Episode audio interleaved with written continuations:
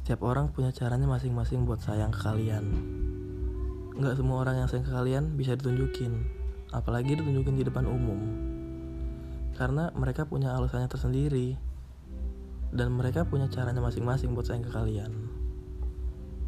Hmm, contohnya kayak kalau kalian punya pasangan yang cuek, itu sebenarnya bukan berarti dia nggak sayang ke kalian. Bisa aja itu cara dia, karena setiap orang punya caranya masing-masing buat sayang. Percayalah itu.